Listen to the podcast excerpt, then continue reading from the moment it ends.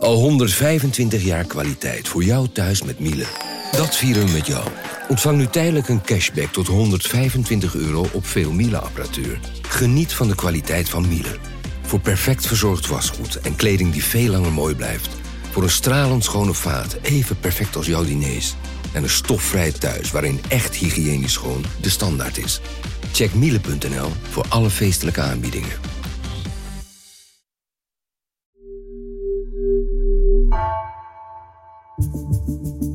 Vanaf de redactie van NRC het verhaal van vandaag. Mijn naam is Egbert Kalsen.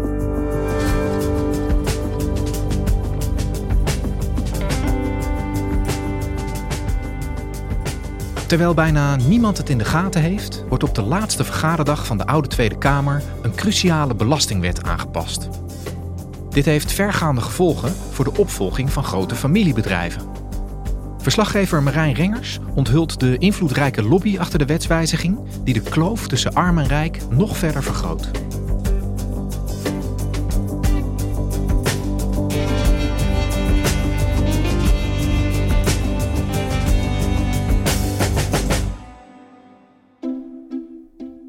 ...25 oktober 2023 is de laatste dag van de oude Tweede Kamer. Daarna barst het verkiezingscircus los. En er moeten nog honderden dingen geregeld worden. Honderden wetten, honderden debatten. Die worden allemaal samengeperst op één dag, op die laatste dag. 81, motie Inge van Dijk over onderzoek naar een tariefdifferentiatie in de kansspelbelasting. Wie is voor deze motie?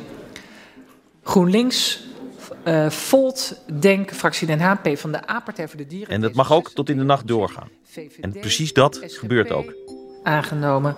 85, de motie Grimwis omzicht over een bovennorm voor de marginale belastingdruk ontwikkelen. Wie is voor deze motie? SP. Bijeen. De hele Kamer is er, dus ze zijn met z'n 140. Ze beginnen om 10 uur s ochtends, ze gaan door tot ze klaar zijn. 419, dat is het belastingplan Bes-eilanden 2024. En die nacht die duurt maar en die duurt maar. En die Kamerleden moeten al die wetten en amendementen aannemen. Het is saai ook. Mensen zitten te gapen, halen koffie. Maar ze moeten door, want ze moeten al die punten afwerken. Kunnen we het nog volhouden of is er behoefte aan even een korte schorsing? Ja, ja. En ik doe het ook even voor de staf. Het lijkt mij goed, even vijf minuten schorsen, even de benen strekken en dan gaan we weer verder. Ja. Op een gegeven moment zegt Pieter Omzicht ook: jongens, moeten we dit eigenlijk wel willen? Wat zijn we nou eigenlijk aan het doen? Ja, het gaat u verder. Voorzitter, het is knettergek om om half drie s'nachts 40 pagina's met moties en amendementen te stemmen en de hele rijksbegroting te financieren via het belastingplan. Maar er is geen keus, want anders kan het belastingplan niet doorgaan, kunnen er geen wetten doorgaan. En dat eigenlijk het sluitstuk van de nacht is ook nog eens het belangrijkste onderdeel in feite. Dat zijn de nieuwe belastingregels. Die moeten op 1 januari ingaan. Dus aan het eind van de nacht gaan ze nog beslissen over tientallen honderden miljoenen. VVV, Fonds voor Democratie, BBB. Deze doen we even over. Motie 91 was dat, hè? Ja, 91. Motie Stoffer-Epping over het nemen van maatregelen die de marginale druk verlagen. Is voor deze motie? GroenLinks, Denk. En een van de dingen die aan het eind van de nacht richting half vier geregeld wordt, is een belastingkorting voor een klein groepje welvarende ondernemers. Die glipt er een beetje tussendoor. Niemand heeft het echt in de gaten. Ga naar 37, 36, 421, Wet aanpassing fiscale bedrijfsopvolgingsfaciliteiten 2024. Het amendement Inge van Dijk CS 8 Romeinse 1. Wie is voor dit amendement? Denk. De heer Omtzigt, ChristenUnie, VVD, D66, SGP, CDA, Ja21 Groep van Haga, PVV, Vorm voor Democratie, BBB, aangenomen. En die ene kleine ombuiging, die zorgt ervoor dat de kloof tussen rijk en arm in Nederland weer een klein beetje groter wordt.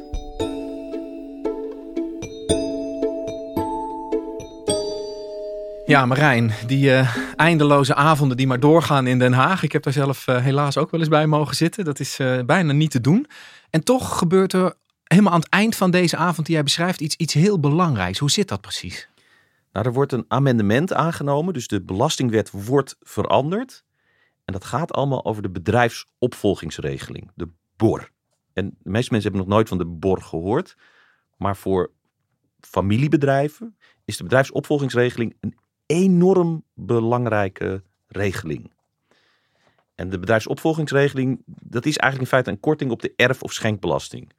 Dus als jouw vader of moeder een familiebedrijf heeft en die wil de aandelen aan jou geven of je erft ze, dan hoef je daar bijna geen belasting over te betalen. In tegenstelling tot al het andere, want alles is in Nederland belast en flink ook. Ja, het is dus bedoeld als je een ondernemer bent en je wilt stoppen met je bedrijf om het over te dragen aan je kinderen en daar dan geen belasting over te hoeven betalen. Hoe, hoe zit dat precies? Het beeld dat altijd geschetst wordt, is dat van de bakker. Dus de bakker komt te overlijden, zijn zoon wil de bakkerij overnemen. En het is niet de bedoeling dat hij de bakkerij moet verkopen om de aanslag erfbelasting te voldoen. Nou, dat, dat kun je snappen. Hè? Dat is een beetje voor het midden- en kleinbedrijf een redenering. Alleen die regeling die geldt niet alleen voor de bakker, maar die geldt ook voor enorme bedrijven. Bedrijven met miljoenen winsten, tientallen, honderden miljoenen, miljarden omzetten, die vallen ook onder de bedrijfsopvolgingsregeling. En daar gaat het scheef lopen. Wat maakt dan dat die, dat die, dat die familiebedrijven die jij schetst hier zo ongelooflijk van profiteren? Die regeling, die BOR, die is vanaf het moment dat die is ingevoerd eigenlijk steeds een beetje opgerekt.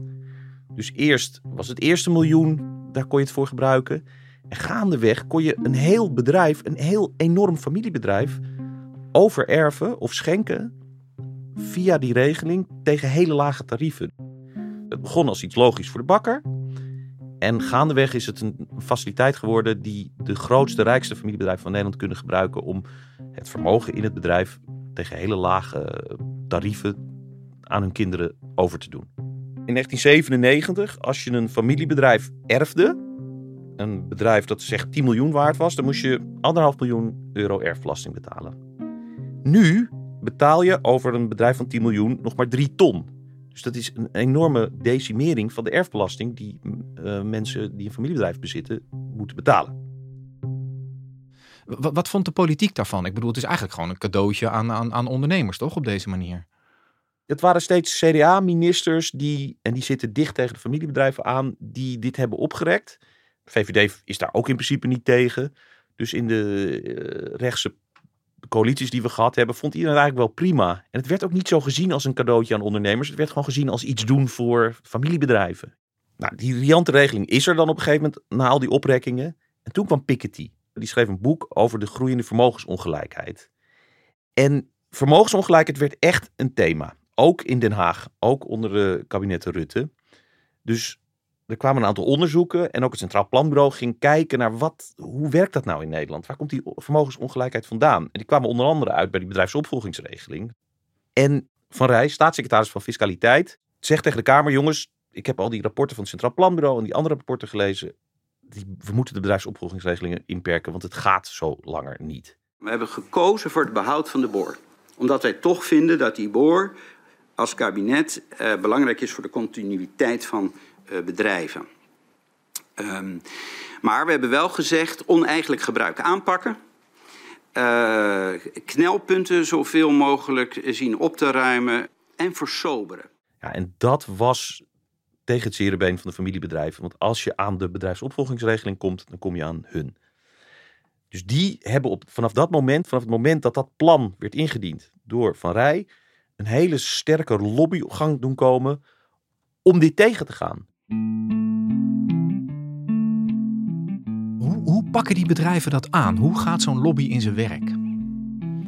Nou, er gebeurt van alles, maar om een voorbeeld te geven, in reactie op Van Rij, in mei 2023 wordt er een familiediner, heet dat, georganiseerd. Het is in het Mauritshuis en daar worden 40 topondernemers, allemaal van familiebedrijven, uitgenodigd.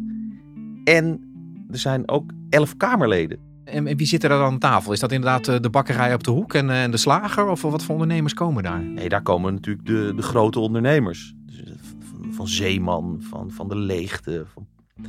En er zijn ook twee ondernemers voor wie er extra veel op het spel staat. Bij dat diner en rond de bor. En dat zijn Peer Swinkels van Swinkels Family Brewers, wat vroeger Bavaria heette. En Pieter van Oort van de Baggeraar van Oort. Die trouwens ook straks de topman van Schiphol wordt. Zij zijn met zoveel dat ze tot op dat moment niet in de bor mogen. Ze hebben zoveel aandeelhouders, ook al zijn het allemaal familieleden, dat de Belastingdienst zegt: ja, jongens, dat, dat telt niet. Wat doen zij om er alsnog in te komen? Nou, ze zitten bij het familiediner. Daar komen academici, er komen fiscalisten en die zijn presentaties. Er wordt gegeten, er zijn tafels met inspirerende namen die laten zien hoe fijn familiebedrijven zijn. Goed voor de regio, goed voor hun mensen. Ja, in, in, in, in dit samen zijn zie je een aantal Kamerleden. Die zie je gaandeweg denken, ja, die familiebedrijven. Ze weten niet precies wat die bedrijfsopvolgingsregeling is, maar ze krijgen wel een heel warm gevoel bij familiebedrijven. En dus ze staan eigenlijk open voor hun opvattingen. En wat je vervolgens ziet gebeuren is dat Swinkels en Van Oort en nog een aantal andere bedrijven, maar wie dat zijn, dat willen ze niet zeggen. Dus in ieder geval Swinkels en Van Oort, die huren een eigen lobbyist in. Dus die zetten een eigen handige man met goede contacten in het Haagse in. Ja, dus aan de ene kant hebben we een kritische staatssecretaris van Rij die zegt uh, we moeten die regeling uh, verder inperken en juist niet toegang zeg maar, voor die bedrijven regelen. En aan de andere kant heb je een, een duur betaalde lobbyist namens twee bedrijven uh, en misschien nog wel meer bedrijven die zegt van ja, maar wij willen erin. Hoe, hoe loopt dit af? Er, er gebeurde één ding wat niemand op dat moment zag aankomen. Het kabinet viel. Normaal zegt de staatssecretaris: Oké, dit is het belastingplan. Die maakt erover afspraken binnen de coalitie. Alle Kamerleden stemmen braaf mee met wat er bedacht is. En, um, en de staatssecretaris krijgt zijn zin. Maar nu viel het kabinet. Dus opeens lag het hele speelveld open. En kon die lobbyist voor Swinkels en Van Oort. Ja, die kon extra druk zetten. En die kon proberen te regelen dat, dat het zou lukken voor deze twee bedrijven. En ze zitten bijvoorbeeld allebei van Oort en Swinkels in de CDA Business Club. Dus ze proberen via de CDA Business Club dit punt voor het voetlicht te krijgen. Dus de CDA Business Club gaat een boze brief sturen naar Van Rij. Die brief lekt uit. Eerst hele andere zaken. Frank, CDA-ondernemers luiden de noodklok over de toekomst van familiebedrijven. Het is uh, notabene hun eigen staatssecretaris die daar uh, mee aan de slag moet. Uh, Marnix van Rij, die u hier ziet. Hij heeft een brandbrief vanuit de Business Club voor, van de Christen-Democraten ontvangen... om familiebedrijven te redden. De CDA's die maken zich zorgen om de zogenoemde bedrijfsopvolgingsregeling, de BOR... Of er is best wel veel lawaai rondom de bedrijfsopvolgingsregeling. Maar dan nog hebben ze het idee van het gaat misschien wel niet lukken, het gaat niet snel genoeg, we moeten meer doen. En dan besluiten Frans van de Grint, dat is de lobbyist, en Swinkels en Van Oort, om eh, naar Den Haag te gaan. Dus ze, ze schrijven een plan van zo zou de bor beter worden. En dat plan is eigenlijk gewoon een verkapt pleidooi om Swinkels en Van Oort in de regeling toe te laten. En ze zoeken een manier om dat uh, over het voetlicht te krijgen bij die Kamerleden.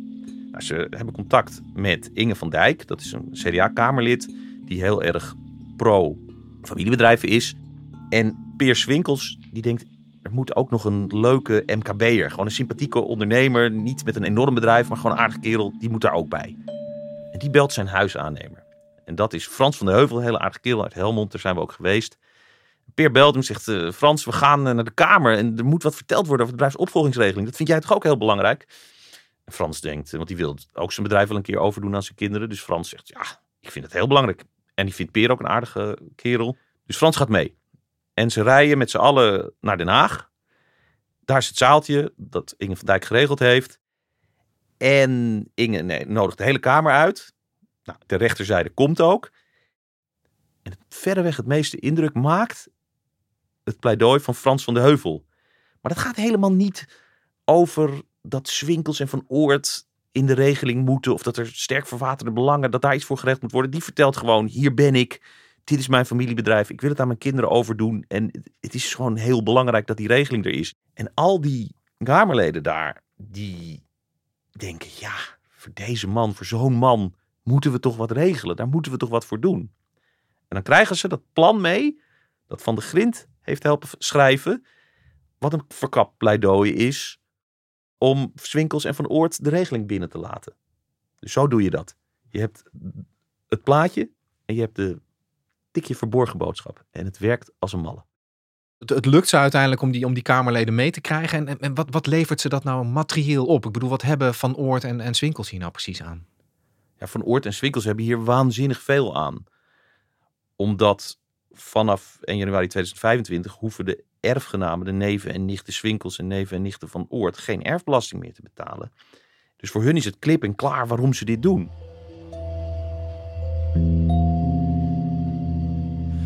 En die Tweede Kamer die, die gaat daar dus uiteindelijk in mee. Hè? Op die avond die jij eh, zo mooi eh, schetste, is er een meerderheid van de Kamer die instemt met die, met die nieuwe borregeling. En dus ook met die verruiming voor, voor die bedrijven als, als Van Oort en, en, en Swinkels. Maar hebben zeg maar, gewone ondernemers, die bakker, hebben die nou ook iets aan die, aan die nieuwe regels in de bor? Helemaal niets. Die, die zaten al in de bor, die konden er al prima van gebruik maken. Voor hen verandert er eigenlijk niks. Nou, wat bijzonder is, is dat er hier in feite een wet wordt geamendeerd voor twee of misschien nog een paar meer bedrijven. En normaal maken we geen wetten voor twee bedrijven, maar voor iedereen. En daarmee is het echt een soort uh, casus om te bestuderen over hoe lobby eigenlijk werkt. En dat is zo interessant, maar ook wel zorgwekkend. Want het lukt ze dus om de wet te wijzigen in hun eigen voordeel. Ja, want hoe, hoe kan het zeg maar dat een centraal planbureau en de ambtenarij en zelfs de verantwoordelijke staatssecretaris eigenlijk linksaf wil en dat het dan toch lukt om rechtsaf te gaan? Nou ja, dat, dat heeft een aantal oorzaken. De e-, eerste oorzaak is dat het, dat het kabinet viel. Dus iedereen probeerde nog een leuk punt te maken voor zijn achterpan.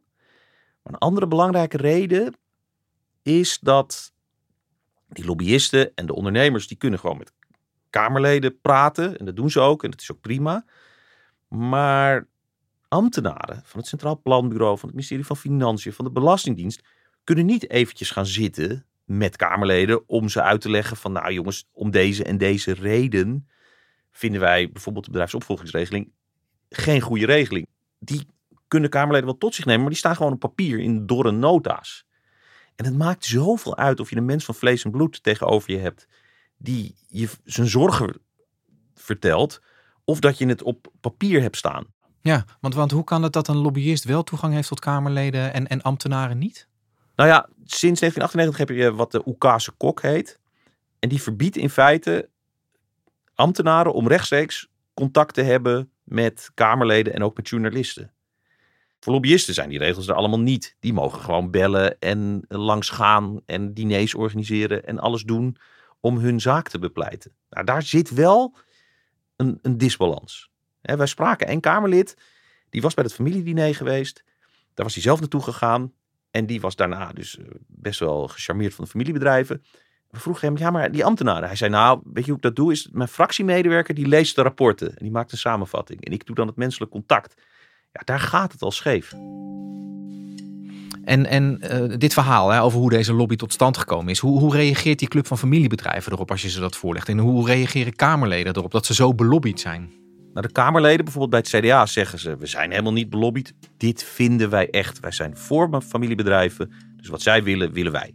Daar komt het op neer. En de Club van Familiebedrijven die zegt: nee, maar het is heel normaal en ook heel goed dat we contact hebben met Kamerleden. Het is een brede lobby, we zijn een brede beweging. Zo gaat het nou eenmaal en dat is goed voor het land. Dus echt hele specifieke vragen gaan ze totaal uit de weg. Maar in zijn algemeenheid vinden zij: het gaat precies zoals het moet gaan. Ja, dus zij zeggen eigenlijk gewoon, zo werkt de democratie. Je hebt volksvertegenwoordigers en je hebt een maatschappij en die zoekt toegang naar zijn volksvertegenwoordigers. Ja, dat is wat ze zeggen. Maar het komt er wel op neer. Kijk, toegang is niet gratis. Lobbyisten zijn niet gratis. Dus de mensen die veel geld hebben, kunnen op deze manier makkelijker toegang kopen tot beslissers. Nou ja, dat is precies het principe dat de ongelijkheid doet toenemen. Want de mensen die veel hebben, regelen toegang. De mensen die weinig hebben, kunnen dat helemaal niet betalen, zijn er helemaal niet mee bezig.